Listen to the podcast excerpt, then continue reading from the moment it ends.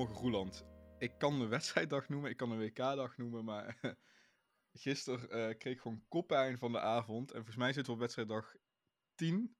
Eh 13 bedoel ik. Jezus, kijk, ik Ja, nou zie je, daar, daar begint het al, ja. begin het.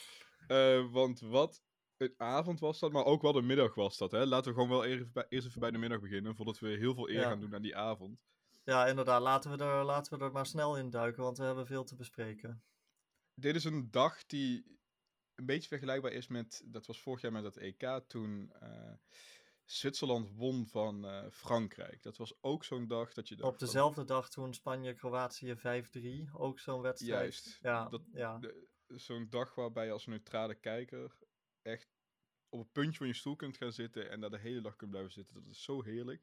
Ja, ja en, en ik heb dit gisteren bij jou aangedragen. En we hebben geen tijd om het er vandaag over te hebben, omdat er zoveel is om te bespreken. Maar ik ben toch wel heel blij dat de FIFA aan het overwegen is om dit soort avonden met pools van vier, twee wedstrijden tegelijk, ultieme spanning en drama om dat in stand te houden vanaf de volgende editie ook. Want dit is natuurlijk gewoon smullen. Ja, absoluut. En op het moment dat jij met drie teams in een, eh, in een eindtoernooi gaat voetballen, dan krijg je dit soort ontknopingen Ja. niet. Die bestaan Nee, dan niet precies. meer. En ik zou het daar dus graag later in het toernooi nog wat dieper op, eh, over willen hebben, maar daar hebben we vandaag echt geen tijd voor. Nee, daar hebben we geen tijd voor, want ik denk dat wij al heel veel tijd kwijt zijn met dit. Ja. Eh, we gaan vandaag ook even door, de, team, door het team van de groepsfase heen. Ja, met z'n tweeën. eh, en we kijken even naar de rest van deze dag, maar ook naar de rest van het weekend. Omdat we daar natuurlijk op zaterdag en zondag niet zijn. Wij zijn er pas maandagochtend weer. Dus kijken we wel even naar de vier eh achtste finales die op eh, zaterdag en zondag afgespeeld worden. Maar goed, laten we gewoon even kijken naar. eerst eens eh, heel even lekker teruggaan naar gistermiddag. Toen er werd afgetrapt bij eh, Canada, Marokko en Kroatië, België. Ja, Met welke verwachting ging jij, eh, ging jij erin? ik ging erin met de verwachting dat België door het ijs zou zakken en dat Kroatië daardoor eerste zou worden in de pool. En die verwachting is wel, eh, nou ja, niet uitgekomen.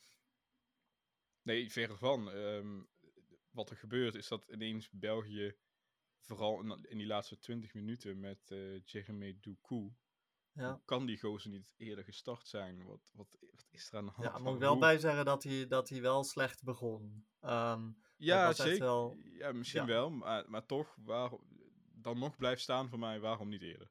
ja, Maar eh, bij Stade Rennes voetbalt hij, hè, eh, 20 jaar pas.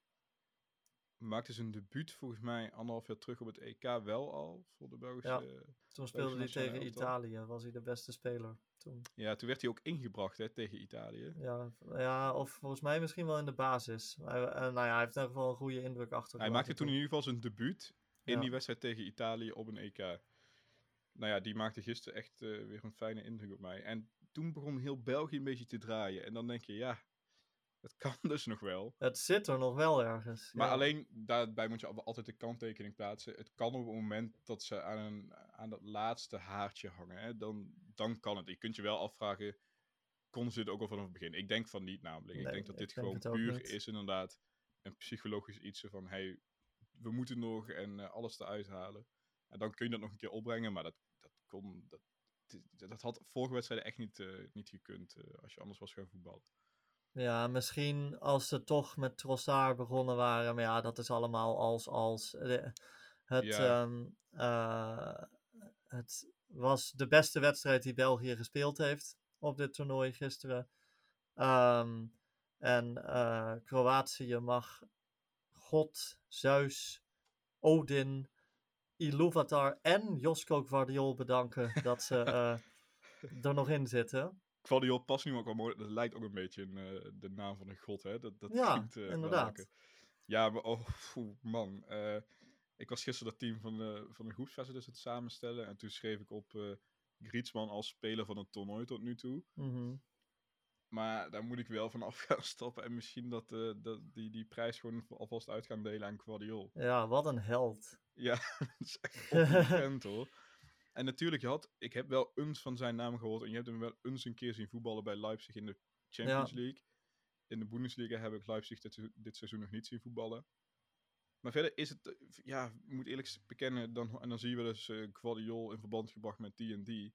Maar dat was het wel. En nu in drie wedstrijden laat hij zien, zo'n typische WK-speler dat je denkt, nou, die gaat nu een transfer maken waar je echt u tegen zegt. Dat kan echt een hele grote worden. En ehm, Ja. het was wel echt een van de weinige lichtpuntjes bij Kroatië gisteren. Want eh, als ze zo spelen in de knock-out fase, dan wordt, wordt het geen succesverhaal. Nee, dan, dan, dan wordt het lastig. Ehm, ik vond Modric in de eerste helft liet ook nog wel wat zien.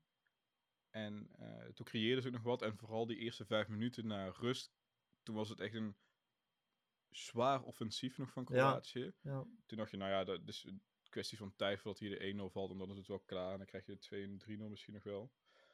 Ehm, maar dat gebeurde niet, want de afronding was niet zo heel speciaal. Maar ja, dan ga je naar de afronding kijken van, van iemand anders. Lukaku. Lukaku. Ik las vanmorgen in, eh, vanochtend in wat media zo van... eh, nou ja, hij wordt wel heel hard aangepakt, vind ik. In Engelse media, in Spaanse media. Ja, ik weet niet of ik, of ik daar nou zo helemaal zo lekker op ga. Ik vind dat ook niet helemaal eerlijk. Ik, Want- ik kreeg ook het idee dat hij zichzelf ook hard aanpakte. aan het Ja, hij pakt zichzelf, ja, daarom. Hij pakt zichzelf... Hij slaat die dugout echt niet in elkaar als hij Nee, boos is op ja. iemand anders. Nee, hij is gewoon zo boos op zichzelf. Die jongen is zo zwaar teleurgesteld in zichzelf. Dat zie je aan alles. Moet je dan als media... Je kunt gewoon opmerken zo van... Yo, hoe, hoe krijg je die ballen niet in? Maar dat kan. Het is ook best wel te Ja, dat klinkt misschien een beetje raar dat je deze kansen niet maakt. Maar dat is meer ergens wel te verklaren, toch? Komt terug van een blessure. Hebt dit seizoen amper nog gespeeld. Hebt één keer gescoord of twee keer. Eén keer in de Champions League, volgens mij. En één keer in de Serie A Ja. voor Inter hij staat elke keer op datzelfde, op dat goede punt waar hij altijd staat. Want dat, dat doet hij als spits en daar is hij zo goed in. Maar omdat hij dat ritme mist en omdat hij er niet zo lekker in zit, kan hij die kans nog niet afmaken. En dan, dan klopt het, dan gaat er denk ik iets mis in je hoofd. En dan ga je met je buik ineens zoiets doen. Ja, dat ziet er heel raar uit. Maar moet je zo'n jongen dan vanochtend in de krant zo helemaal de grond in boren? Ja, pff, ben ik persoonlijk Ja, zo fan van. Maar je moet het ook niet negeren natuurlijk. Eh, had Nee. daar een andere spits gestaan, dan had de wereld er misschien wel heel anders uitgezien. Ja, Ja, maar een andere spits had niet op die plekken gestaan. ja dat, dat kan, daar kan ik me eigenlijk wel in vinden. Ik vind ook dat had- er had- had niet gaan. Ja, ik vind dat te hard. En eh, je, mag, je moet op één iemand denk ik gewoon hard zijn. Dat is op Martinez. Die, eh, die uiteindelijk op het eind, op, na, na die wedstrijd zegt van ja, dus voor mij dan klaar. Die mag je echt wel aanpakken. Maar ik, ik weet niet, ik ga niet helemaal lekker op dat Lukaku zo aanpakken. Ja, En ik ben niet snel iemand die spelers in bescherming neemt. Eh, ik heb zoiets van, nou, komt er goed. Maar je er zag... was. Ja eh, laten we een beetje door, door, doorheen blijven, blijven lopen. En niet te veel blijven hangen op eh, bepaalde zaken. Want er was ook nog iets anders in deze wedstrijd waar ik nog wel even ehm, wat aandacht aan wil schenken. België had namelijk niet alleen via Lukaku, maar ook via een eventuele penalty in de eerste helft kunnen scoren. Maar die werd dan niet gegeven, omdat. Nou, ik weet niet of je die, die, die graphic van de buitenspelbeslissing gezien hebt van de VAR. Maar het is echt een. De, de aanvaller van België had een stukje mouw meer dan de verdediger van Kroatië over de lijn. En, en met het blote oog zou geen enkele lijnrechter dat als buitenspel hebben beschouwd. Nu hebben we de VAR en, en, en die speciale technologie. Dan kan je zeggen dat is goed, want dan bestaat er geen onduidelijkheid. Maar ik vind dit soort beslissingen, ehm, eh, ja, die doen afbraak aan het voetbal. Maar ehm, misschien ook iets gemist, maar was het niet andersom? Kroatië zou die penalty moeten krijgen. Dat was het moment toch met Carrasco die hands maakt. Het was in de Was eerste dat helft daar? toch? Nou, ik weet in elk geval dat er in de eerste helft. Ja, er Ja, waren dat- twee penalty momenten. Maar dat, kijk, dat is dus eigenlijk ook mijn punt. Je kan in die graphic niet eens zien wie de aanvallende partij is. Dus Nee. dat lijntje wordt getrokken en je denkt van, oké, moet ik nou op de, op de Belgische speler of op de Kroatische speler letten? Want ik zat dat terug te kijken. En dat zou inderdaad ook kunnen dat dat dat andere moment was. Ja, ik maar weet ja, dat. Ja, je had dat met punt dat Kroatië een aanval had. Uiteindelijk eh, echt in redelijk in het begin van die wedstrijd. Carrasco maakt dom hands. Na die bal een beetje zelf op te wippen, het ziet er heel onhandig uit. En uiteindelijk wordt die penalty teruggedraaid, omdat inderdaad een, dat, ja, een millimeter van de schouder staat buiten spel. Ja, nou dat zou het dus ook kunnen zijn geweest. Nogmaals, je kan het niet zien op die graphic. Het slaat echt Nee. nergens op dat hier buitenspel voor wordt gegeven. Ik ben volledig voorstander van al die technologie. Maar dan moeten we misschien wel de regels erop gaan aanpassen. Want je kan toch onmogelijk zeggen dat wie de aanvallende partij ook was hier, want nou ben ik in de war, een uh, ontzettend aanvallend voordeel had Nee, ten opzichte van de... Nee, dus de, die, die buitenspelregel moet op de schop. Maar wat, wat zou je dan voorstellen? Bijvoorbeeld een marge van eh, een x aantal centimeter. Nee, ik ben voorstander van het plan om de buitenspelregel om te draaien. Dus niet dat je geen enkele millimeter van je lichaam achter de laatste verdediger mag hebben, maar dat alles nog. Maar dat je pas echt buitenspel bent als alle millimeters van je lichaam achter de laatste verdediger staan. Ehm, dat eh, roept wel weer andere situaties op dat je, ehm, eh, dat je nog steeds heel erg naar die marges moet gaan kijken. Maar dat bevoordeelt in elk geval de aanvallende partij. En dat zou het voetbal leuker maken. Dan, dan, dan zouden er meer goals doorgaan. Ja, dan heb je gewoon minder dat, dat, die afbraakarbitrage waar ik zo moe van word. Ja, ik ben het wel met dat stukje eens dat je. eh, kijk, buitenspel is buitenspel. Maar op het moment dat jij met zo'n klein beetje schouder. Of zo'n klein, klein beetje voorhoofd. omdat jouw voorhoofd net wat dikker is dan de ander. buitenspel kunt staan. Je bent niet e- te vroeg vertrokken. Je bent niet in buitenspel. eh, of je bent niet in buitenspel. eh, val getreden. Je, je, je staat gelijk met die verdediger. Je vertrekt er gelijk. Alleen heb jij net je schouder niet net wat e- eerder anders beweegt of zo. Ja, je hebt inderdaad geen voordeel. Dus dan kun je je af gaan vragen, ja, waar is je voordeel dan nog? Ja, nergens. Ja. En wat je ook zou kunnen doen is, is hele lichaamsdelen identificeren en het zo maken dat er een compleet lichaamsdeel buitenspel moet staan. Om ook echt buitenspel te compleet- gelden. Nou ja, Ja, daar en- zou je dan regels over moeten opstellen. En daar kunnen mensen het dan mee oneens zijn of, eh, of niet. Maar ja, het, het, het, is nou wel heel erg priegelen. En daar hou ik gewoon niet van. Ja, maar laten we daar kunt- ook niet te lang op blijven hangen. Nee, of je kunt net zoals eh, Charles Groenhuis van de op één presentator suggereren van laten we het buitenspel gewoon afschaffen. Kijk, dan, dan zijn we van het gezeik af. ja, heel Ehm, goed idee, eh, Charles. Ehm, ik had het net over de grond inboren. Eh, de cijfers liggen er dan niet om bij Lukaku. Zijn, hij had een eigen gecreëerde XG, expected goals van 1,7. Ja, dat is echt gigantisch. Dat is volgens mij, volgens mij las ik dat dat meer is dan Marokko in de hele groepsfase gehad heeft. Ja, nou, dat, dat, dat, is Ja. vrij tekenend voor de pech van, eh, van hem en dit België. Dat ook eh, net zo goed nog door had kunnen gaan. Maar het niet gaat. Kroatië gaat door. Marokko gaat ook door. Die winnen met 1-2 van Canada. Ja, groepswinnaar. Mooi om die vreugde te zien. Groepswinnaar met 7 Ja. punten. Ja, nou ja. De eerste Afrikaanse groepswinnaar sinds Nigeria in 1998. Dus toch wel een, nou, voor deze eeuw in elk geval een primeur. En ehm, nou, wat mij betreft terecht. En eh, absoluut niet kansloos straks eh, tegen Spanje. Nee, nee, totaal niet. Helemaal niet. Eh, er kan echt gewoon nog wel wat gebeuren. En echt gewoon een hele leuke selectie. Veel vreugde. Leuk om te zien. ik heb die op het kleine scherm gekeken. En daarna ook nog wat zitten spoelen daarna naar de wedstrijd. Naar die doelpunten nog een keer terug zitten kijken. Ja, gewoon leuk. Ja. En Canada kon evengoed nog een redelijke vuist maken. Atiba niet, eh, Hutchinson had nog bijna, als de doellijntechnologie niet bestond, misschien wel een goal. Dat had ik hem dan toch wel gegund. In maar... zijn allerlaatste toernooiwedstrijd. eh, Maar ooit. uiteindelijk ben ik blij dat, eh, dat Marokko groepswinnaar is geworden. Want het is toch wel een beetje de overwinning van het, het opportunistische voetbal in deze pool. Dat had Kroatië ook kunnen afdwingen, maar zij waren wel, wel heel afwachtend. Zeker in de tweede helft tegen België. Dus dan vind ik het eigenlijk wel, een, wel, wel mooi voor het voetbal dat Marokko de pool gewonnen heeft.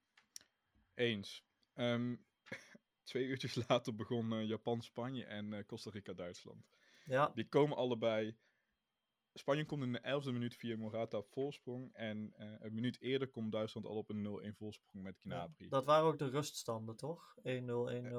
De, let me check. Ja, dat klopt. Dat ja, zijn ook de nou, dan denk Nou je, er is niks aan de hand. Dat is wel- dachten ze overal. Dat dachten ze in de studio's. Dat dachten ze op social media. Dan denk je, ja, dit is wel klaar. Ik kan eigenlijk net zo goed eh, dit op laten staan, maar er iets anders bij gaan doen. Bij wijze van een boek erbij Ja. pakken en nog even wat gaan lezen. En eh, me iets nuttiger maken dan, eh, dan ook nog deze tweede helft gaan kijken. Maar ja, wat er dan gebeurt, dat begint bij Japan, die in de 48e minuut de 1-1 maken. Drie minuten later de 2-1 maken met die discutabele bal over de achterlijn. Is hij over de achterlijn? Schandalig dat die goal gegeven werd. Ja, dat, ja, dat, ja ik, ik wist dat jij met deze... Ja, jij kent mijn mening daarover. Ik vind het raar dat als je een, een spel speelt waarbij het idee is dat je de bal binnen de lijnen houdt, dat dan wel nog een bal voor 99,9% buiten de lijnen mag zijn en dat het dan nog steeds telt. Het is binnen de lijnen of binnen de lijnen, mensen.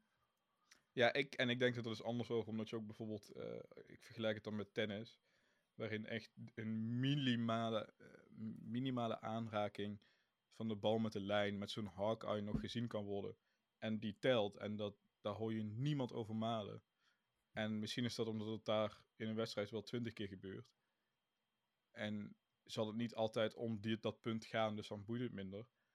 Eh, dus misschien is dat niet helemaal het beste argument. Maar ik vind wel nog steeds een bal die op een lijn, die een lijn raakt. Ja, die is binnen. Ja, oké, maar ik ben er nog nooit bij dit soort momenten. En ja, ik refereer ook aan PSV Ajax vorig jaar. Van overtuigd geweest dat de bal ook echt de lijn nog raakte. Ik geloof gewoon niet dat de VAR dat zeker weet. Als ze dat checken. Ik denk dat hun conclusie is: nou, we kunnen niet met 100% zekerheid zeggen dat hij niet over de lijn was. Dus we geven hem maar. Ja, dat vind ik een beetje, dat vind ik een beetje flauw. Laat mij dan maar lijntechnologie zien, waarbij je ook zo'n zo'n scherm omhoog haalt. En Kijk. dat je dan kan zien dat de bal echt nog de lijn raakte. Dat vind ik iets anders. Maar dit is ben, gewoon interpreteren. daar ben ik het volledig mee eens. Want ik bedoel, je steekt miljoenen in ontwikkelingen, in eh, die buitenspel eh, animatie, in doellijntechnologie.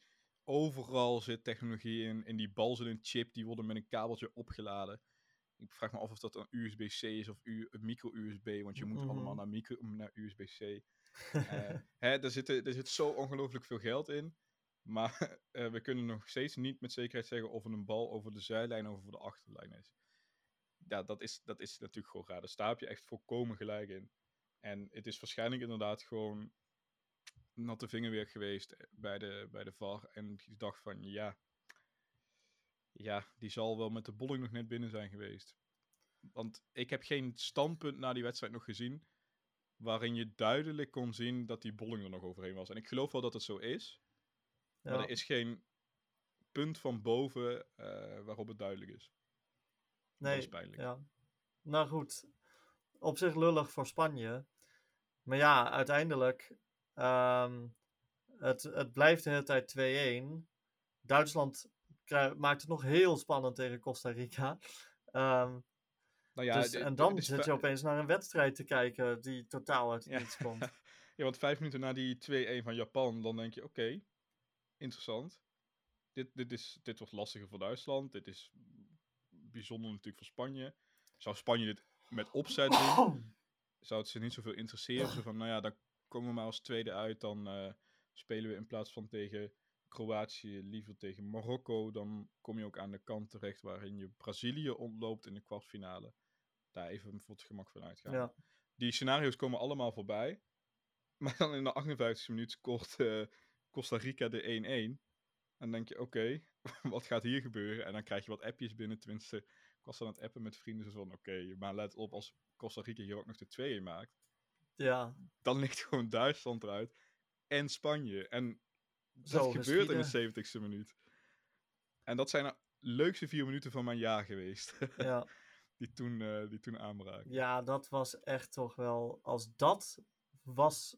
Als ze dat vast hadden gehouden, dan was dit een van de meest historische dagen in de WK-geschiedenis geworden. En je gaat het nu al niet snel vergeten, toch? Nee, echt. Ik, hier, dit herinner ik me over, over decennia nog steeds. Dat is ook wel een beetje omdat mijn brein zo werkt met voetbal. Maar ja, het, het, uiteindelijk Havertz die, die eh, twee keer scoort volgens mij. Nou ja, daarmee was dat, dat eh, scenario waarin de beide oud-wereldkampioenen naar huis zouden gaan wel afgewend. Duitsland maakt er ook nog 4-2 van. Dan hebben ze eigenlijk een, een Spaans doelpunt nodig. En ik vind het toch wel. Spanje heeft in de slotfase nog wel een paar keer aangedrongen. Dus ik wil ook niet, niet per se zeggen dat Spanje zijn sportieve plicht niet gedaan heeft.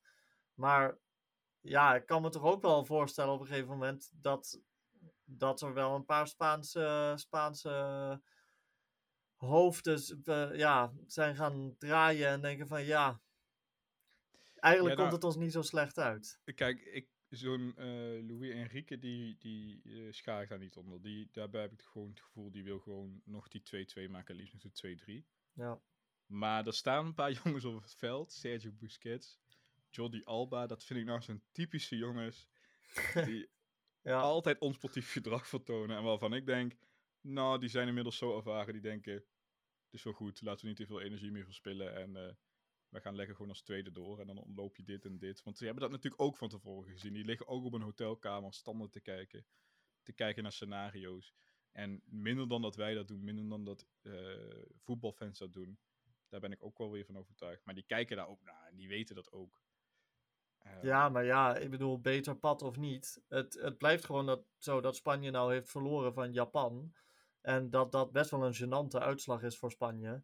Dus dat ze het echt niet goed gedaan hebben. En nou ja, er stond in mijn team van de groepsfase een Spanjaard, maar die heb ik er gisteren uitgekikt.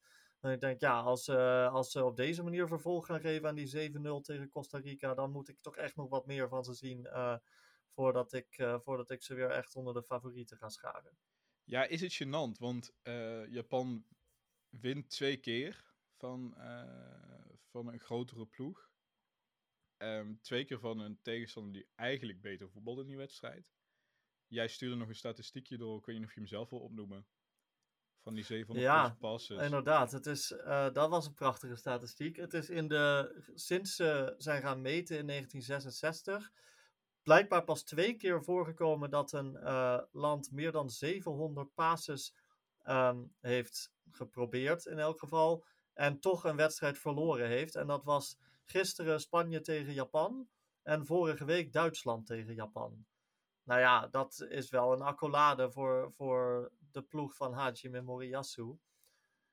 Maar, ja, ik vind het nog steeds wel een gênant resultaat voor Spanje. Ja, maar het is wel uh, gênant. Maar in die zin, je ziet... Misschien is het op dit moment wel de beste coach op het WK, die, uh, de bondscoach van uh, Japan. Jij mag zijn naam nog een keer uitspreken. Hajime Moriyasu. Moriyasu. Ja, nou, de voornaam ga ik eh, even niet aan beginnen. Die oefen ik wel. Want uh, ik hoop dat zij er nog lang in blijven. En dan ga ik die naam zeker oefenen. Ja. Want je ziet dat hij een soort uh, katapult effect of zo kan creëren. Tegen dit soort voetbal. Dat kan hij niet vanaf het begin. Hij gaat gewoon kijken, oké, okay, voetbal maar. En dan ga ik in de wedstrijd kijken, wat kan ik hier aan gaan doen. En dat doet hij twee keer. En twee keer doet hij bepaalde aanpassingen. Brengt die spelers in dat is niet helemaal te volgen, maar het werkt wel. En dat, op die manier schakelt hij die teams uit. Ja, nou ja, ik dacht toen ik de line-up zag van... oh nee, hij heeft weer hetzelfde gedaan als tegen Costa Rica. Zijn hele opstelling overhoop gegooid. Ja. Dat gaat nooit goed komen. Maar ja, er zat blijkbaar wel een idee achter. En Japan is nu dus uh, groepswinnaar. Wat, nou ja, ik noemde net Marokko, maar de laatste keer dat een Aziatisch land groepswinnaar werd op WK was ook 2002. Dus dat is ook al wel heel lang geleden. Uh, wat dat betreft levert dit, uh, levert dit WK wel. En voor Japan specifiek, dat is inmiddels wel duidelijk dat ze beter voetballen tegen ploegen die zelf het spel willen maken, waarin ja. zij ja, uh, reactief voetbal kunnen spelen. En wat dat betreft denk ik dat ze liever tegen Kroatië spelen dan tegen Marokko. Dat denk ik ook. Ik denk dat zij daar echt niet op malen. En zij mogen nu dus inderdaad aan gaan treden tegen Kroatië maandag. Ja, ja. Dat, dat, dat, dat, die voetballen om vier uur in de middag. Dat zal de wedstrijd om ook alweer bij te gaan zitten. Dat worden alle acht finales. Ja. Dat is, blijft en is gewoon natuurlijk gewoon leuk. Maar ik denk dat ik vind dat op dit moment een van de interessantste achtste finales. Omdat inderdaad Kroatië gewoon weer het spel moet gaan maken. Daar zal Japan ze toe gaan dwingen. En dan kan hij weer datzelfde katapultvoetbal gaan spelen. En daar ben ik heel benieuwd hoe, waar dit gaat eindigen voor Japan. En misschien kunnen ze een revanche nemen voor 2018. Um, het is natuurlijk ook een unicum uh, op, voor dit WK. Alle continenten zijn nog aanwezig in de achtste finale. Ja, dat is technisch gezien geen unicum, maar het technisch is... Uh, okay. Nou ja, dat hangt er vanaf. Als je Australië ziet als Oceanië, dan is het wel degelijk een unicum, ja. Maar zij komen uit... Nou voor, ja, de Aziatische voor de voetbalbond, ja. ja. Nou, laten we toch, uh, dan haal ik het woord unicum weg, maar het is wel uh, erg leuk dat alle continenten. Ja, het is echt een wereldwijd, wereldwijd spektakel. Ja, en dat, dat, dat maakt het ook uh, een veel interessanter WK. En ik las dus een, een theorietje daarover hoe het kan dat de Europese ploegen steeds minder sterk zullen gaan worden op dit WK en niet meer het overwicht zullen hebben, omdat zij, zij zijn heel erg gaan scouten in het buitenland Daar zijn ze heel veel beter van geworden. Hun eigen spelers zijn daar beter van geworden. Dus kregen ze een overwicht op Afrikaanse ploegen, Aziatische ploegen enzovoort. Maar ze, zo- ze scouten nu ook heel veel in Aziatische landen, in eh, Afrikaanse landen. Je ziet heel veel van die spelers groter en groter worden. Dus de clubs gaan beter worden door heel veel van die spelers. Ja. Maar daardoor worden ook automatisch die landen beter. Ja. Dus, En dus, dus eigenlijk creëert Europa zijn eigen tegenstand. Ja, dus zin. eigenlijk maakt Ja. Europa zelf het voetbal dus leuker door eh, de anderen beter te maken. En ik denk in 2026 straks dat dat nog meer zal zijn. Ja, En want dan je- is de verhouding ook anders. Hè? Dan heeft Europa eh een derde van de, ehm, van de landen in totaal. En nu heeft Europa bijna de helft. Dus ja, Dus dat creëert het zelf wel. En dat, ik vind dat alleen maar leuk. Nog heel even wat andere statistiekjes over deze pool. Ehm, nou, niet per se over deze pool, maar je mag even raden. In de groepsfase van dit WK. Die is nog niet voorbij natuurlijk, want we hebben vandaag nog een ritse wedstrijden te gaan. Maar raad eens wie er in de eh, groepsfase de meeste schoten had. Het waren er 69 in totaal. als in eh, welke ploeg er het vaakst... Welke ploeg er het vaakst schoot? Eh, oh, goede vraag. Ik ga voor Engeland? Nee. Zeg maar. Duitsland. Ah, De meeste schoten op paal slash lat. dat moet Duitsland zijn. Ja, de meeste Ja. expected goals. Nou, dat zal dan ook wel Duitsland zijn. Ja, en wie is er naar huis? Duitsland. Ja. Wat, wat, wat moet Hansi Flick daar nou voor uit meenemen? nou, dat hij toch wel. Dat een 9 nog steeds wel. eh, die is aan het verdwijnen. Maar op een eindtoernooi die je misschien wel nog nodig hebt. Want je speelt een ander soort voetbal. Ehm, het lijkt wel het allermeest dat van Duitsland en Spanje op Champions League voetbal. Zoals er bij de clubs gevoetbald wordt. En dat komt echt Ja. door de coaches. Maar Fulkrug is dan misschien niet de nummer 9 die je moet hebben. Die heeft ook geen enkele keer in de basis gestart. Ik weet het niet zo goed. Eh, nou ja, eh Musiala was, was weer weergaloos. Ehm, maar die had het vizier gewoon niet op scherp staan. Dat is zonde. Die scoorde wel al negen keer in de Bundesliga dit seizoen. Ja. En had zes assists. En heeft op dit EK, of op dit WK, nul doelpunten en één assist. Ja, het is soms ook gewoon pech hebben natuurlijk. ja, Duitsland is eigenlijk gewoon afgestraft op die twee momenten van onoplettendheid tegen Japan. Ja. Ja, zo kan het voetbal soms gaan. dat Schade. Ja, en eh, ik weet niet, ik vond het wel heel pijnlijk. Heb je die foto gezien van Kai Haver? die dus- ik gezien, ja. Ja, om even wat context te geven voor wie hem niet heeft gezien. Die eh, eh, voetbalde dus nog een redelijke wedstrijd, scoort dan eh, twee keer voor Duitsland. En na de wedstrijd, terwijl hij uitgeschakeld is, mag hij met dat but-bokaaltje als man of the match even poseren. Voor alle reclameuitingen. En dan zijn gezicht staat op onweer. Wat volkomen begrijpelijk is. Ja, dit- ja misschien had je dat als Ja, dat doet, mij, dat doet mij denken aan de finale van de Afrika Cup. Volgens mij werd Gabaski toen eh, de keeper van Egypte, die dus net verloren had na penalties, toen uitgeroepen tot man van de Ja, wedstrijd of tot keeper van het toernooi of zo. En toen gingen ze hem helemaal Ja. interviewen. Oh, gefeliciteerd. En je zag gewoon dat dat echt het allerlaatste was waar hij op dat moment behoefte aan had. Dat was na die penaltyreeks inderdaad tegen Senegal. En eh, waarin je de huldiging kreeg. Toen was hij inderdaad Ja. keeper van het toernooi. Ja, ja, misschien moet je dat gewoon niet doen. Nee, nou ja, goed. Kijk, het is leuk voor die jongen. Nu denkt hij, oké, ik was inderdaad keeper van het toernooi. Maar ze, maakt het dan gewoon een week later bekend. Puur om hem dat, dat lijden Ja. te besparen. En zo'n man of the match trofee moet je gewoon laten gaan. Want dat, dat doet gewoon pijn voor zo'n Havertz. Mhm. Het zag er gewoon sneu uit. Goed, ehm, hebben we genoeg eer aan gedaan over deze avond of nog niet? Ja, ik kan Nee, hier echt jawel. over doorpraten. Eh, we hebben nog een eh, team van het toernooi. Daarin komt het misschien ook nog wel een beetje terug. Zeker. Zullen wij gewoon naar het team van het toernooi gaan dan? Ja, Oh, nou, niet van het toernooi, van de groepsfase moeten we ja, even ja voorlopig team van het Ja, voorlopig eh, team van het toernooi. Ehm, natuurlijk zijn er nog wat wedstrijden te spelen. Ehm, maar goed, wij zijn er morgen niet, dus eh, we nemen hem nu gewoon alvast door. Ja. Beginnen we bij de keeper? Ja, we hebben voor een 3-4-3 gekozen. eh, omdat dat het meest eh, recht doet aan nou ja, waar, de, waar de goede spelers in deze groepsfase Ja. hebben geacteerd, naar onze mening. Ik denk dat wij dezelfde keeper hebben. Nou ja, dan mag jij hem... eh, zullen we hem tegelijk noemen dan? Eh 3, 2, 1. Chesney. Ja. Ja. ja. Nou ja, daar eh, de meeste eh, goals voorkomen, statistisch gezien. Twee penalties. En een keeper die echt wel eens ongelukkig is geweest op eindtoernooien. Dus leuk voor hem dat hij echt, echt wel in de spotlight staat hier. Absoluut. Door hem gaat Polen gewoon natuurlijk gewoon door. Ja, Zonder hem niet. Ehm, dan hebben we eh, een van de centrale verdedigers. Ik ga gewoon even voor de linker, omdat hij ook een linkspoot is. Dan weet je al wie ik ga noemen, denk ik. Voor mezelf. Zeg maar. Guardiol. Ja, Ja. die kan niet missen. En die gaat er aan het eind van het toernooi ook nog in staan. Al verliest Kroatië dadelijk. Ik heb dat- Guardiol ook. Ja. Ja. dat kan gewoon niet anders. Eh 20 jaar pas. Ja, ik ben zo benieuwd naar eh, zijn vervolg dit WK, maar vooral naar zijn vervolg na dit WK. Blijft hij dan nog dat half jaar bij Leipzig wat doorvoetballen?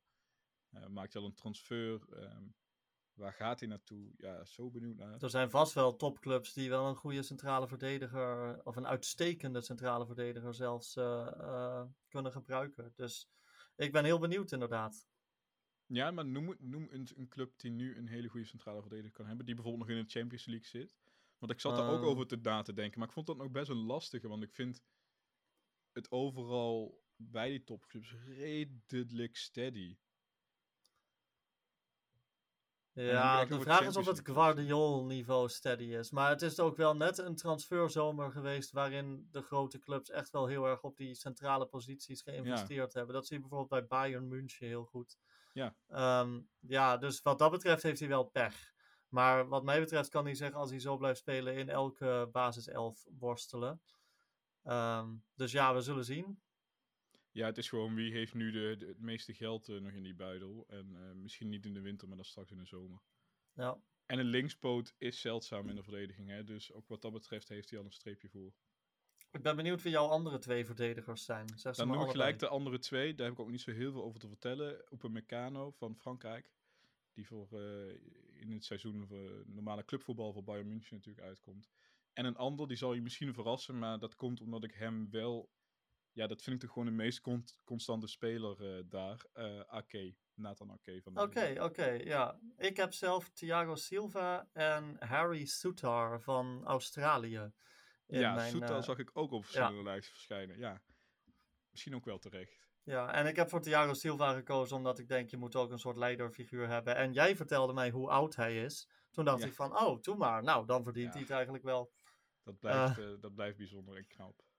Maar ehm, ja, oké, die, die is, is dat dan een beetje de Dumfries van dit toernooi? Of gaat dat ook ver? Nee, dat vind ik te ver, want ik vind dat Ake... eh, Dumfries had toen dat EK nodig om echt te laten zien van... hé, hey, ik kan dat echt wel. Ik ben echt wel een van die toppers. Ake heeft dat natuurlijk al laten zien. Ik weet niet, ik vond hem gewoon heel constant. Ehm, de beste man in de verdediging op dit moment bij Oranje. Ja, dat, meer, meer woorden had ik daar ook niet voor. Ik vond hem gewoon daaraan opvallen. Maar ik had eerlijk gezegd niet meer eh, aan eh Soutar gedacht. En ja, hij, hij, hij personificeert dat betonvoetbal van Australië heel erg. Eh, Ja. Dat Zoveel onderscheppingen en tackles. Ja, precies dat. Gewoon zich overal voorgooien hoe hard die bal ook vliegt. Al breek ik twee keer mijn neus in een wedstrijd. Ja, daar heb je misschien wel een punt. Goed, de twee centrale middenvelders dan. Begin jij Ja. maar. Ik heb Jude Bellingham en Casemiro. Oké, dan hebben we allebei verschillende. Maar ik kan me wel bij allebei volledig aansluiten. Bellingham en Casemiro. Absoluut mee eens. Eh, Daar stond dus eerst Gavi, hè, waar nu Casemiro staat. Hmm. Maar ja, dan, door gisteren denk ik toch van, nou mensen, laten toch nog maar wat meer zien voordat je in het team van het toernooi mag staan.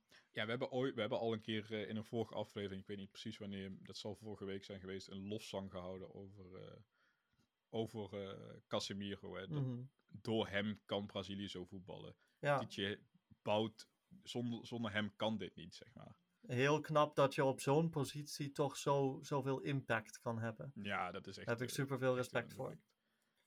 En nog steeds Eh. ook bijzonder dat, en ik snap het, dat Madrid hem heeft laten gaan, maar het is lastig om te zeggen, maar toch een hele goede set ook geweest van United. Ja, ja, en ook heel belangrijk geweest in de weg omhoog inzetten met, eh, Ja. met United. Hij, hij begon nog niet gelijk, hè. Dat, dat werd wat moeilijk en de, Ja, er waren wat geruchten, het gaat niet lekker met Den Haag, maar hij staat er nu gewoon.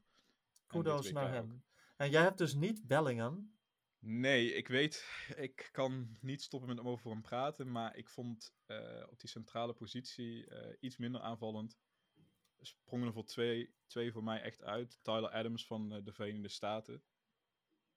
Oké, ik kende ja. hem voor dit Ja. WK nog niet zo goed, moet ik eerlijk bekennen, maar ik zie Leeds United ook bijna nooit voetballen. Ehm, ja, er ligt zoveel energie in zijn spel. eh, en dat hele middenveld kun je eigenlijk misschien wel opstellen in, eh, in dit team hoor. Die Moussa is ook Ja. Echt heel goed. Maar ik vond Adams echt tussen uitspringen. Tyler Adams is het kloppende hart van, van de Verenigde Staten. Ja, En, ja. en dan ook nog zo professioneel zijn. Dat is ook wel Amerikaans, want dat kunnen ze gewoon heel goed. Op die persconferentie, waarin die toch wel aangepakt wordt door die eh, Iraanse journalist. Daar reageert hij heel respectvol op. Na dat verlies tegen, eh, of nadat Iran verliest van de Verenigde Staten. Ehm, ook heel goed op dat veld. Ja, alsof hij, hij is 23, maar het is alsof hij eh, 30 is en alles wel mee heeft gemaakt. Echt, eh ben ik echt fan van. De andere is eh Chouameni. Heb ik ook Oh, heel ja. over gehouden. ja, kan ik ook. eh, Spreekt een redelijk voor zich, eh, deze, deze Franse 22-jarige middenvelder. Goed, dan de meer aanvallende eh, middenvelders. Het was twijfelen, ga ik hem eruit halen of niet? Want ze zijn, ze, het is nu over Wiedersehen. Maar ik kan hem er niet uithalen, want puur naar de groepsfase gekeken, eh Musiala. Oké, ja, ik heb me beperkt toch echt tot spelers die de tweede ronde gehaald hebben. Daar zou ik voor Chesney een uitzondering gemaakt hebben, maar voor de rest eh, ehm, heb ik, eh, ja, ik heb Musiala dus niet. En ik vind dan ook wel, je kan heel goed pingelen, maar uiteindelijk is hij toch niet, toch niet doorslaggevend genoeg geweest. Nee, het gaat ook om rendement, daar heb je heel, heel zeker een punt. Ja, en ik bedoel, als het echt om pure kwaliteit ging, dan had ik Harry Souter natuurlijk ook niet in mijn team gezet. Maar het gaat om, volgens mij ook om hoeveel je hebt bijgedragen aan de prestaties van je ploeg hier. Verder vind ik Musiala de, de beste, de meest interessante jonge speler ter wereld hoor. Dus ik kan me er verder wel in vinden. De andere die ik daarvoor in heb staan eh, als eh, de meer aanvallende middenvelder. Ik noemde hem eerst eens als man van het toernooi. Dat is voor mij nu Guardiol eh, tot nu toe. Griezmann. Ik heb Griezmann ook. Ja. Ja. dat is... En dat, ook omdat het best wel een verrassing is natuurlijk. Ik had, wie had dat opgeschreven? Ja, ik niet hoor. Nee, ik had het ook niet verwacht. Hoewel ik wel gezien heb dat hij wel weer meer in zijn flow is gekomen dit seizoen. Al helemaal nadat die rare regel dat hij maar 30 minuten mocht, eh, werd afgeschaft. Maar hij heeft het wel heel snel weer opgepakt, ja. En hij is zo belangrijk voor Frankrijk. Ja. Maar misschien juist die 30 minuten regel heeft hem in het begin van het seizoen best wel gespaard. Hij kon langzaam in dat elftal weer lopen. Ja, oké, ja. Hij kon zijn energie besparen. Die laatste, volgens mij, vijf of zes wedstrijden. Toen hij officieel weer was overgenomen van Barcelona. eh, door Atletico kon hij wel weer volledige wedstrijden gaan meedraaien. Dus hij komt natuurlijk topfit aan op dit WK. Misschien is dat wel zijn geluk geweest. En eh, het Franse geluk geweest. Maar misschien dat is ook een beetje koffiedik kijken hoor. Ik heb als, andere eh, aanvallende? ja, als andere aanvallende middenvelder toch, dat is misschien een controversiële keuze, maar ik heb toch gekozen voor Hakim Ziyech. Oh, ik vind dat niet controversieel. Nee. Ik, eh, als je het dan hebt inderdaad over rendement belangrijk zijn voor je team. Dan is Ja, ik, ik overwoog voor deze positie dus Musiala als Duitsland door was gegaan. En ook Ismaila Sarr, die toch wel echt, nou ja, de, schoenen van Mané niet helemaal vult bij Senegal. Maar toch echt wel de, verantwoordelijk is voor alle aanvallende impulsen. Maar uiteindelijk kan ik toch niet om Ziyech heen. Die heeft zo goed, zo goed dat, nou ja, volgens mij de spelfilosofie van Rick Ragui uitgevoerd echt een lust voor het oog hoe hij speelt. Vooral in de eerste helft, want je merkt wel steeds in de tweede helft dat hij nog wat wedstrijdritme mist. Maar inderdaad, dus eh, ja, nou, je kan me daar wel bij aansluiten. Ik denk dat Ajax het pijn doet. Want ik denk dat Ajax toch weer het vizier op hem had gericht. Om eh, nu het zo slecht gaat daar. Laten we hem dan toch na de winter eh, halen. Hij is nu bankspeler, hij staat bij niemand echt op de radar. Maar ja, nu speelt hij zich weer overal op de radar. Gaat het nooit meer lukken voor Ajax. Dan gaat hij straks gewoon eh, naar een andere club, een Milan of zo. Ja. Nou ja, dat is hem. dan pech voor hun. Ja, dat is pech voor hun en alleen maar leuk voor Ziyech. Wie zijn jouw vleugelaanvallers? Ja, dat vond ik een lastigere. Ehm, ik heb op de links, linkse positie heb ik eh Vinicius Junior. Oké. Die maakt met mij een eh, hele degelijke, sterke indruk. Die trekt eigenlijk gewoon zijn vorm van Real Madrid door naar, naar dit WK. En die moest het nog wat meer laten zien in die vorige wedstrijd toen eh, Neymar ontbrak. Toen lukte het ook, scoorde die ook. Die werd helaas dan afgekeurd. Ja. Maar er gaat heel veel dreiging van hem uit. En ik vind hem echt veruit de beste op dit moment. eh, met Casemiro aan die eh, Braziliaanse zijde. En de ander? Die heb ik dus nog open. Want ik had eerst zo van, nou ja, dan ga ik eh, toch voor twee spitsen daarvoor in. Dan ga ik even niet van die rechtervleugel uit. En dan ben ik gewoon eigenwijs. En dan zet ik daar Kramer iets neer. Maar die kan ik niet meer noemen na gisteren. Ja, nee, dat, dat was een beetje flat, hè?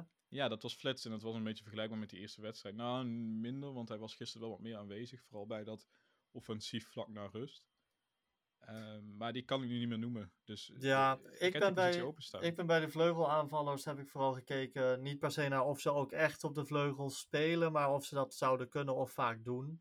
Wat Mhm. dat betreft kwam in elk geval Kylian Mbappé eruit bij mij, ehm, die eh, ik op links heb gezet, maar dat maakt in principe niet uit. De ander, eh, dat is een wat minder duidelijke keuze, maar het, eh, ja, het is ook wel een van mijn favoriete spelers qua persoon, dus ik heb Marcus Rashford toch een Hm. plek in het, eh, in het team van de groepsfase gezet. Je kan niet anders dan zeggen dat hij boven zichzelf uitgestegen is. En dat hij, ehm, nou volgens mij staat hij nou op drie goals. Dat is volgens mij nog steeds gedeeld eerste. Of er moet iemand nou op vier staan. Dus eh, ja, ik had uiteindelijk heel veel aanvallers kunnen kiezen. Maar ik vind het dan toch, ik vind het verhaal mooi bij hem. Dat echt, hij werd verguisd vorig jaar. En nu, nu, nou dat is dan toch wel de verdienste van Southgate. Dat hij vertrouwen in hem heeft gehouden. En dat hij, zich, dat, hij dat nu op deze manier terugbetaalt. was ook nog maar de vraag, hè, of hij nog vertrouwen in hem had. Want het was maar de vraag, gaat Rashford überhaupt mee? Ja, nee, klopt. En uiteindelijk, als die eh, selectie niet had mogen bestaan uit 26 spelers, ja, had hij zomaar gewoon wel af kunnen vallen. Ja. En had hij helemaal niet op dit WK gestaan. Ja, ik kan me wel aansluiten bij Rashford, absoluut. Ehm Mbappé, Mbappé ook, maar die heb ik in de spits staan. Oké, ja, nou dat dacht ik al. Ehm, ik overwoog hem ook voor de spits. Ik had eh, ook eventueel Giroud kunnen kiezen voor de spits. Ik had Morata kunnen kiezen. Ik had Richarlison kunnen kiezen. Maar uiteindelijk ben ik toch voor Cody Gakpo gegaan. Omdat ik dus ook Mbappé voor Mbappé ruimte op de flank kon vinden. En Ja, ik ben toch. PSV-fan. En die jongen gaat ons zo rijk maken. Jij bedoelt met ons eh, als PSV-fan. eh, ja, ja, ja, ja. Ja, precies. Eh, ja, die gaat heel wat geld opleveren. Ehm, ik ja, ja, kijk, als je dan weer uitgaat van jouw argument belangrijk zijn voor je team. Ja, dan is hij dat met een goal met zijn linker, een goal met zijn rechter en een goal met zijn hoofd. Nou, het moet nog met zijn buik en met zijn twee schouders, dan heeft hij alles ja, toch? Ja, dat, wat dat betreft zeker. Ik vind hem, eh, wat dat betreft, hij kan ook vanuit posities die niet makkelijk zijn, waarin hij het echt zelf moet creëren. Maar hij is wel de rest van de wedstrijd dan echt onzichtbaar. Maar dat kan niet per, hoeft niet per se in hem te liggen, omdat dat gewoon ook wel aan Nederland ligt, hoe het op dit moment voetbalt. Ja, en als je kijkt naar de andere spelers die ik overwoog voor deze positie, Richarlison, Giroud en Morata, dat zijn natuurlijk ook geen spelers die de hele wedstrijd lang Nee. zichtbaar zijn, maar vooral spelers die hun moment pakken en daarin uitblinken. En Ja, nou ja, en- ik vind dat wel een goede eigenschap voor een spits. Ja, en Richarlison heeft het voor mij eigenlijk maar één wedstrijd ook laten zien. In die tweede Ja, wedstrijd was hij redelijk afwezig. Niet helemaal eerlijk, want die derde wedstrijd moeten we nog afwachten. En wij behandelen het nu al. Misschien kan hij daar wel een plaatsje in, eh, in nemen. Maar eh, ja, ik denk dat er dan een eh, heel, heel erg goed eh, team tot nu toe staat. Ja. En ik ben benieuwd in hoeverre deze namen allemaal nog gaan veranderen tot het eind van het toernooi. Nou ja, Musiala zal er dan sowieso uitgaan. En dat is meer dan terecht dan uiteindelijk. Ja, En we gaan dit sowieso aan na het, na het toernooi nog een keer doen. Dan ben ik wel benieuwd wat erin, wat erin veranderd is. Ja, en dat zal, dat gaat, ja, natuurlijk, dat heeft altijd invloed. Wie speelt uiteindelijk die finale? Want daar, dat, dat gaat het overgrote deel van je team worden. Ik weet één iemand die gaat er gewoon bij mij niet uit. Quadiol. eh die Ja. mag er niet uit die gaat er niet uit. Eh, wat een verdediger. Begrijpelijk, begrijpelijk. Goed, dat was het team van de groepsfase tot nu toe. Het team van het toernooi tot nu toe. Er staat eh, nog wat op het programma voor vandaag. Voordat ik daaraan begin wil ik heel even mezelf rectificeren. Ik benoemde gisteren dat aan de goal van Argentinië 36 of 37 passes vooraf gingen. Dat waren er 10 minder, 27. Is wat minder indrukwekkend, hè? Iets minder indrukwekkend, nog steeds wel een eh hoog Nog steeds aantal. mooi, ja. Maar eh, wel heel wat minder dan dat ik eh, dacht dat het zou zijn.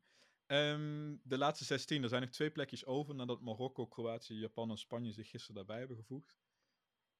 Die Portugal en Brazilië zijn al zeker. Ja, precies. Dus Ja. Portugal en Brazilië die vandaag nog spelen, die zullen met een redelijk B-elftal aan gaan treden. Dat biedt kansen ook. voor Zuid-Korea en Cameroen. Die tegen die twee spelen. Eigenlijk de Eh. twee meest kansloze ploegen, dus dat maakt het dan wel nog leuker. We hebben gezien wat. Tunesië kon klaarspelen. Ja, zeker. Ik bedoel, eh, wie ga je dan, wie heeft er een grotere kans? Ehm, als je puur kijkt naar deze twee wedstrijden, dus Cameroen, Brazilië, Zuid-Korea, Portugal, wie van die twee, ze zitten niet bij, elk- bij elkaar in de pool, dat weet ik, maar als Ja. een van de twee het dan zou kunnen worden, wie van de twee is het dan? Mijn hart zegt Cameroen. Ja, dus jij denkt dat zij die, eh, die vuist kunnen maken tegen... Ja, eh, weet je, maar wa- wa- wat moet ik nou nog met dit WK? Er valt, er valt geen pijl op te trekken. Ik bedoel, als je, als je aan mij gevraagd had voor het toernooi, gaat Cameroen van Brazilië winnen? Dan had ik gezegd, eh, nee. Maar nu heb ik zoiets van, nou, ja, waarom eigenlijk ook niet?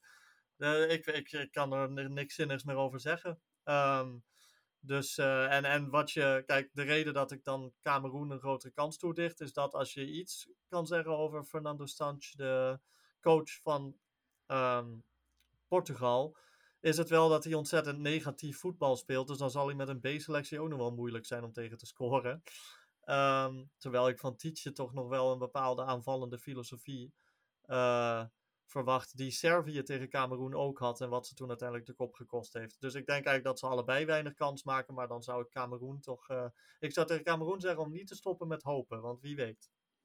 Zeker. Ehm, De andere En- twee en- wedstrijden zijn super beladen, hè? ja, ehm, die andere mag jij dadelijk even toelichten, toelichten Ja. Servië-Zwitserland. Want Ghana-Uruguay spreekt denk ik redelijk voor zich. Het was gisteren ook weer eh, eh, in de studio bij de NOS een eh, onderwerp van gesprek. Het was gisteren überhaupt een onderwerp van gesprek, want in de persconferentie waarin Suarez aanschoof, werd hem weer naar dat moment gevraagd. We hebben het dus over die, die bewuste hensbal in 2010. Ja. In de, in de, in de eh, achtfinale, eh kwartfinale. ehm, van Ghana, Uruguay, waarin Suarez hij die bal van de lijn haalt met zijn hand, nooit zijn excuus heeft aangeboden. Ghana die vervolgens die penalty mist. Maar dat, Vervolgens- dat Uruguay, dat de voetbalbond besluit om Suarez bij die persconferentie neer te zetten, is aan zich natuurlijk al olie op het vuur gooien. Ja, dat, dat is expres, dat is Ja. met opzet en dat is heerlijk. Dat kan ik, de, vanmiddag om vier uur ga ik daar echt zo heerlijk voor zitten, want Ja. Ghana is natuurlijk gebrand. En die zijn die opgefokt komen die het veld op. En daar gaan, daar moet je niet van opkijken als daar gewoon kaarten gaan vallen, alsof je, dat je daar, waar je u tegen zegt. Ja. Maar het kan ook heel... Uruguay is de enige ploeg die nog niet gescoord heeft op dit WK. Dus eh, dan moeten ze, misschien kan Suarez daarvoor zorgen. Ja, dit, het is gewoon winnen en eh, uitgaan van een winst ook bij Portugal op Zuid-Korea en je gaat door. Maar Ja, gelijk dat- spel en Ghana is binnen. En Ghana is binnen, ja, dat, dat wordt gewoon heel erg leuk. En eh, daar zit eh, die geschiedenis bij van 12 jaar terug. En dan Servië-Zwitserland om 8 uur. Ja, die staat al heel lang op mijn, eh, dik gestift op mijn kalender. Ik hoop zo dat het niet teleurstelt. Ja, dat kan wel natuurlijk. Hè. Ja, dat kan wel. ik, ben, ik, ik, ik heb het laatste nieuws daar niet meer om meegekregen, maar gisteren was wel dat er twijfels waren over Jan Sommer, de keeper van Zwitserland, of die kon gaan keeper. Dat is eh, link. Ja, dat is echt wel heel link, want ik weet niet wie daar de tweede keeper op dit moment is. Is dat eh, de oud-PSV'er? Misschien is dat een Vogo, ja. Ja, nou ja, Het is wel een ander kaliber. Ja, want Sommer, natuurlijk, je kunt altijd nog je vraagtekens zetten bij Sommer en zijn lengte, maar op een eindtoernooi staat hij er altijd. Ja, Weet je, de Ochoa van, eh, van Zwitserland. Ja, zonder hem zal het heel erg lastig gaan worden. dat zou een aderlating zijn. Ja, Maar voor de mensen die het zich niet kunnen herinneren, de reden dat, dat deze wedstrijd zo. Ja, eigenlijk zo'n zo'n fantastisch affiche is op voorhand. is niet alleen omdat waarschijnlijk de andere ploeg die doorgaat in dit toernooi uit die wedstrijd komt rollen. Zwitserland heeft drie punten, Servië heeft er één. Maar ehm er zit toch wel een hoop, eh, ja, een hoop cultureel-maatschappelijke lading achter. Ehm, in de, nou ja, het wordt vaak de Joegoslavië-oorlog genoemd, maar het waren eigenlijk meerdere kleine oorlogen in de jaren negentig. Ehm, toen, ehm, daar was Servië eigenlijk de enige constante factor in. En voor het Servische regime zijn heel veel mensen destijds weggevlucht. En heel veel van die vluchtelingen zijn terechtgekomen in Zwitserland. Dus in Zwitserland wonen heel veel mensen met Kosovaars-Albanese roots. En Kosovo, om dat dan ook nog even toe te lichten, dat is een eh, land dat naast Servië ligt, eh, waar vooral veel etnische Albanese wonen. Maar Servië ziet dat als een onderdeel van Servië. Nou ja, in de selectie van Zwitserland zitten ook een hoop spelers met Kosovaars-Albanese, die van Kosovaars-Albanese afkomst zijn. En ja, wiens, ja, nou, vrij directe voorouders dus door de Serven uit Joegoslavië zijn verdreven. En dat uh, vier jaar geleden op het WK werd dat nogal een dingetje. Want toen speelden deze twee teams ook tegen elkaar. En dat was toen de tweede wedstrijd in de pool. En um, Servië kwam heel vroeg op voorsprong, volgens mij door Mitrovic. Maar toen in de tweede helft werd de gelijkmaker gescoord door Granit Xhaka, een van die spelers met Kosovaars Albanese roots. En hij vierde die goal door met zijn handen de tweekoppige adelaar uit de vlag van Albanië te maken. Wat gewoon een provocatie is richting Servië eigenlijk. Maar het werd nog erger voor Servië, want in de nou, blessuretijd scoorde Zwitserland ook nog de 2-1, die Servië eigenlijk effectief uit het toernooi knikkerde. En die goal werd gemaakt door Sherdan Shakiri, ook een speler met Kosovaars Albanese roots. En die maakte ook die tweekoppige adelaar met zijn, uh, uh, met zijn handen. En dat is echt een soort diplomatieke rel geworden toen. Er zijn volgens mij ambassadeurs op het matje geroepen. Uh, Zwitserland moest een boete betalen van de FIFA. nou ja, dat zal ze worst zijn geweest, want ze waren wel door en Servië niet. Maar dat is echt helemaal uit de hand gelopen toen. Daar zijn ze in Servië nog steeds heel boos over. Dat ze niet alleen dat toen zo zuur verloren hebben, maar ook zo geprovoceerd zijn. En nu krijgen ze de kans tegen die Zwitsers om daar wraak op te nemen. En niet alleen dat, ze moeten wel, want ze moeten winnen om door te gaan. Nou ja, ik, uh, ik zie wel potentieel voor een meeslepend gevecht op dat veld. Uh, dus ik, ja, daar kijk ik wel heel erg naar uit. Nou ja, ik match je, want je maakt het. Ik weet het al en ik kan me dit al visualiseren, maar dit nu nog meer door jouw verhaal. Um, ja, dat, dat, ik zie dan een beetje zo'n wedstrijd voor waarin het op het scherpst van de snede is met coaches die buiten hun vak treden, half in het veld staan. Uh, Granit Xhaka is natuurlijk een pikkelharde speler. Ja, die ja. loopt altijd wel weer tegen kaart en dat wordt ook weer een gevaar. Ja, dat, ik kijk daar heel erg naar uit uh, naast uh, Ghana-Uruguay na deze wedstrijd. En uh, dus het gaat ook weer om plaatsing bij de, van de laatste 16. Ja. En dat dat dan de afsluitende wedstrijd mag zijn. Weliswaar samen met Cameroen en Brazilië. Maar de afsluitende wedstrijd zijn van deze groepsfase. Die enorm spectaculair was. Tegen de verwachtingen in. Ja, dan mag je dit afsluiten. En dan, dan mag je er een... Uh, feest absoluut van uh, feest van maken, inderdaad. Dan voor de kijker dan. Ik denk dat, het voor, voor, dat er veel frustraties gaan zijn op het veld zelf. nou ja, ja ik, dat, ik, dat doet me eigenlijk pijn om het te zeggen, want ik, ik vind het eigenlijk nog steeds hartstikke kut gewoon dat dit WK door is gegaan en dat we hier nou uh, in zo'n ja, in zo'n raar land, Qatar, nou ik hoef niet alles te herhalen wat er, uh, wat er mis mee is. Maar je weet gewoon dat hoe het ook verloopt, dit toernooi, Gianni Infantino aan het einde van het toernooi gaat zeggen: Dit was het beste WK aller tijden. Ja, Daar kan je vergif op innemen. Maar hij begint steeds meer gelijk te krijgen. Als dit doorgaat, dan, uh, nou, aller tijden is overdreven. Ik bedoel, je had 1970, 1998, 2014. Die lat ligt wel heel hoog. Maar het is toch wel een verrassend vermakelijk toernooi als het op voetbal aankomt, zeg wel een uh, tractatie zo met de feestdagen. Ja, dat, en het komt omdat andere continenten ook gewoon beter worden in dat landenvoetbal. Uh, die krijgen meer kwaliteit erin. Die kwaliteitsinjecties zijn er gewoon. En dat maakt het gewoon echt een leuker toernooi. Ja. En dat doet me uitkijken naar die achtste finales. Uh, Laten we ook alvast even naar dat weekend gaan kijken, want wij zijn er dus het weekend niet. Ja, we zijn nou toch al lang bezig. Er is veel gebeurd uh, vandaag, dus dan kunnen we nog een paar minuutjes even aan kijken. Ja, juist. um, morgenmiddag, zaterdag, om 4 uur mag Nederland aan gaan treden tegen de Verenigde Staten. Hebben we een te grote tegenstander nu gemaakt van de Verenigde Staten als uh, media zijn om onszelf ook maar gewoon onder te scharen? En uh, of, of valt dat uiteindelijk nog wel mee? Ja, ik denk dat we. Um, wij als Nederlanders hebben vaak de neiging om heel fatalistisch te doen als Nederland even niet aan onze superhoge standaarden voldoet. Voor het WK 2014 speelden we een paar saaie oefenwedstrijdjes, waarvan we de meeste volgens mij ook nog gewoon wonnen. En toen hadden we nog steeds het idee van, oh ja, we worden afgeslacht in die pool. Uh, en nou, dat werd nog een feest die zomer. Ja, dat was toen nu 2-0 tegen Wales in de voorbereiding. Ja, precies. Wat natuurlijk ook niet om aan te zien was. Maar ja, dus ik denk wel dat wij in Nederland heel snel geneigd zijn om uh, al helemaal met het uh, Tsjechië-trauma in mind om om onze tegenstanders iets te veel op te hemelen. Tegelijkertijd wil dat natuurlijk niet zeggen dat je niet gaat verliezen. En uh, dit is wel, denk ik, de zwaarste tegenstander die we tot dusver getroffen hebben. Ja, en ook de, uh, een unieke tegenstander wat dat betreft. Want het is echt een tegenstander die heel ander voetbal speelt dan die andere drie. Uh, dan die eerdere drie. En Qatar moet je eigenlijk helemaal niet onderscharen. Dan Senegal en Ecuador. Ja. Um, ja, dat, dat, dat, ik ben benieuwd in die zin. Heel veel gaat van, die, van de backs afhangen. Dus van Dumfries en Blind. En, die nog totaal niet uit de verf gekomen zijn. Op nee, en Blind al iets meer tegen Qatar. Hè? Daar, kwam, ja. daar ging het spel wat meer ronddraaien. Dat deed hij redelijk. Ik hoop daarnaast dat uh, Klaassen toch echt op de bank gaat zitten. Want ik vind het niet om aan te zien met Klaassen. En ik hoop dat Berghuis gewoon daar mag gaan staan. Als ik ook de, de, de verslaggeving rond de trainingen moet geloven, schijnt hij echt goed in vorm te zijn. Ik las nog een uh, stukje of een interview met hem uh, op VI.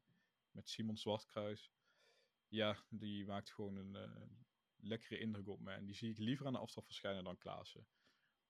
Maar ik ben ook gewoon niet zo'n hele grote fan van Klaassen op het moment. Ja, begrijpelijk. Goed, dat uh, om vier uur dus. Iets later wordt er gevoetbald tussen Argentinië en Australië.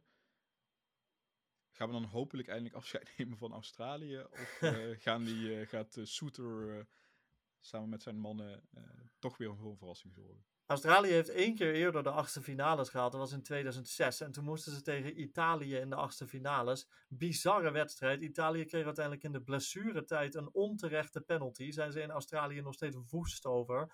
En daardoor ging Italië uiteindelijk door. En toen zijn ze nog wereldkampioen geworden ook. Um, volgens mij is Australië prima in staat om afbraakvoetbal te spelen. En um, ik heb uh, dat betekent dat dit ook een ideale tegenstander kan zijn waartegen Argentinië nog meer vertrouwen kan tanken op weg naar hopelijk voor hun die wereldtitel. Maar het betekent ook dat ze misschien wel Argentinië ontzettend kunnen gaan frustreren. En dan weet je maar niet wat er gebeurt. Al helemaal niet op dit WK. Nee, maar Argentinië is wel de ploeg die zich tactisch het meest heeft ontwikkeld. Uh, sinds de eerste wedstrijd. Ja, en dat, dat werd duidelijk tegen Polen. Ik vond ze echt heel goed. Dus ik ik verwacht dat zij hier ook gewoon best wel makkelijk overheen gaan. Zou voor het toernooi ook wel het beste zijn. Ja, uiteindelijk. Bedoel, Australië heeft nou al veel meer bereikt dan ze ooit hadden verwacht. Daar moet je op een gegeven moment ook gewoon er vrede mee hebben. Die zullen er ook vrede mee hebben als ze hier met 4-0 ervan af Ja, zeker. En dat mogen ze ook. Dan op zondag uh, Frankrijk-Polen. De minst aantrekkelijke wedstrijd ja, van de achtste finales tot dusver. Maar ik ga hem natuurlijk wel gewoon kijken. Zeker, uh, ja, absoluut. Maar Polen heeft zo weinig aanvallend venijn, wat toch wel opvallend is voor een ploeg met Lewandowski in de gelederen. En Frankrijk kan echt, nou, als ze met hun A-selectie spelen, um, de hele wereld aan, zo lijkt het. Ja, dan kan je nog zo'n goede keeper op doel hebben staan, maar dan, dan zou je toch zeggen dat het hier wel ophoudt. Ja, dat, uh, dat is ook wel mijn voorspelling. En dan op zondag ook nog Engeland-Senegal. Ja. Op papier um, van deze, dit weekend, de zaterdag en zondag, vind ik na, ja, Nederland, Verenigde Staten ook, maar dat komt omdat wij uit Nederland komen. Dus misschien Ja. is dat ook een beetje het ding. We zijn Nederlanders, maar op, op papier vind ik Engeland-Senegal wel de in- meest interessante. Ja, daar kan ik me wel in vinden. Ehm, ik, het is nog steeds zo moeilijk om in te schatten waar Senegal nou eigenlijk toe in staat is. Ja. Ehm, maar ja, wij hadden heel veel moeite met Ecuador. En Senegal heeft ze toch vrij probleemloos opgerold in die laatste wedstrijd, ondanks de stand. Ehm, en ze gaan sowieso kansen krijgen tegen Engeland.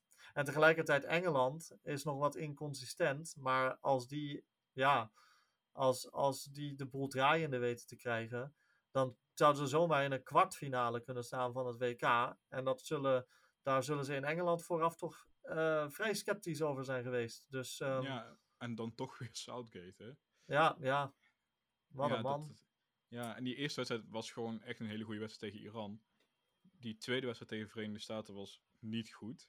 Nee. Die speel je gelijk, ook met de verdiensten van de Verenigde Staten. En die laatste wedstrijd tegen Wales speel je gewoon echt heel goed. Dus dit is Vooral in de tweede niet, helft. Ja. Ja, ja, en dan is er niet echt een pijl op te trekken wat, waar dit nou aan ligt.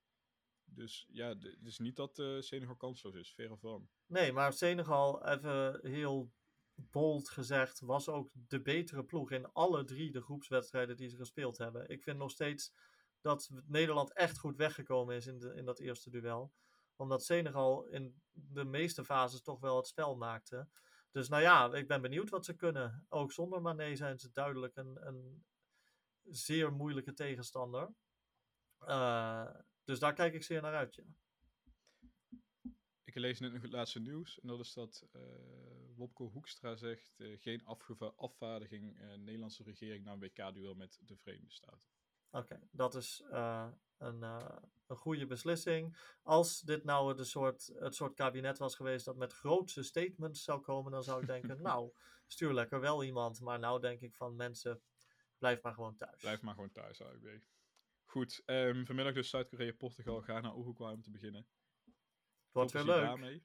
Wordt, wordt hopelijk heel leuk. Het zal niet zoals gisteravond worden. Ik ga daar niet meer vanuit. Nee. Dat, uh, dat uh, was wel het toppunt uh, van de groepsfase. En dat ga je niet meer heel snel bereiken. Um, ik hoop dat we daar genoeg eer aan hebben gedaan. Als je daar ook genoeg eer überhaupt aan kunt doen. Want... Nou, we hebben er een uur over gepraat. Grotendeels toch over dat. Dus ja, we ja. hebben ons best gedaan. Um, dan nog één keer voor jou tot nu toe het spelen van, de speler van een toernooi, want die heb ik jou nog niet horen zeggen per se. Uh, dan ga ik voor, ja, toch nog wel Kylian Mbappé. Oké. Okay. Allebei in Frans. Ja, nee, jij had Guardiol Ik had Guardiol, ja. ja, ja. Oké, okay. nee, ik ga voor Mbappé. Maar ik heb dan ook altijd wel een beetje een zwak voor verdedigers. Ik heb... Uh, Cannavaro is bijvoorbeeld een van mijn favoriete, favoriete spelers ooit. En die heb ik helemaal niet zo heel bewust zien voetballen. Want ik was toen tien jaar toen zij wereldkampioen ja. werden. Maar als je terug gaat kijken en uh, ja, dat, uh, ik kan daar zwak voor hebben. Maar goed, veel plezier vandaag.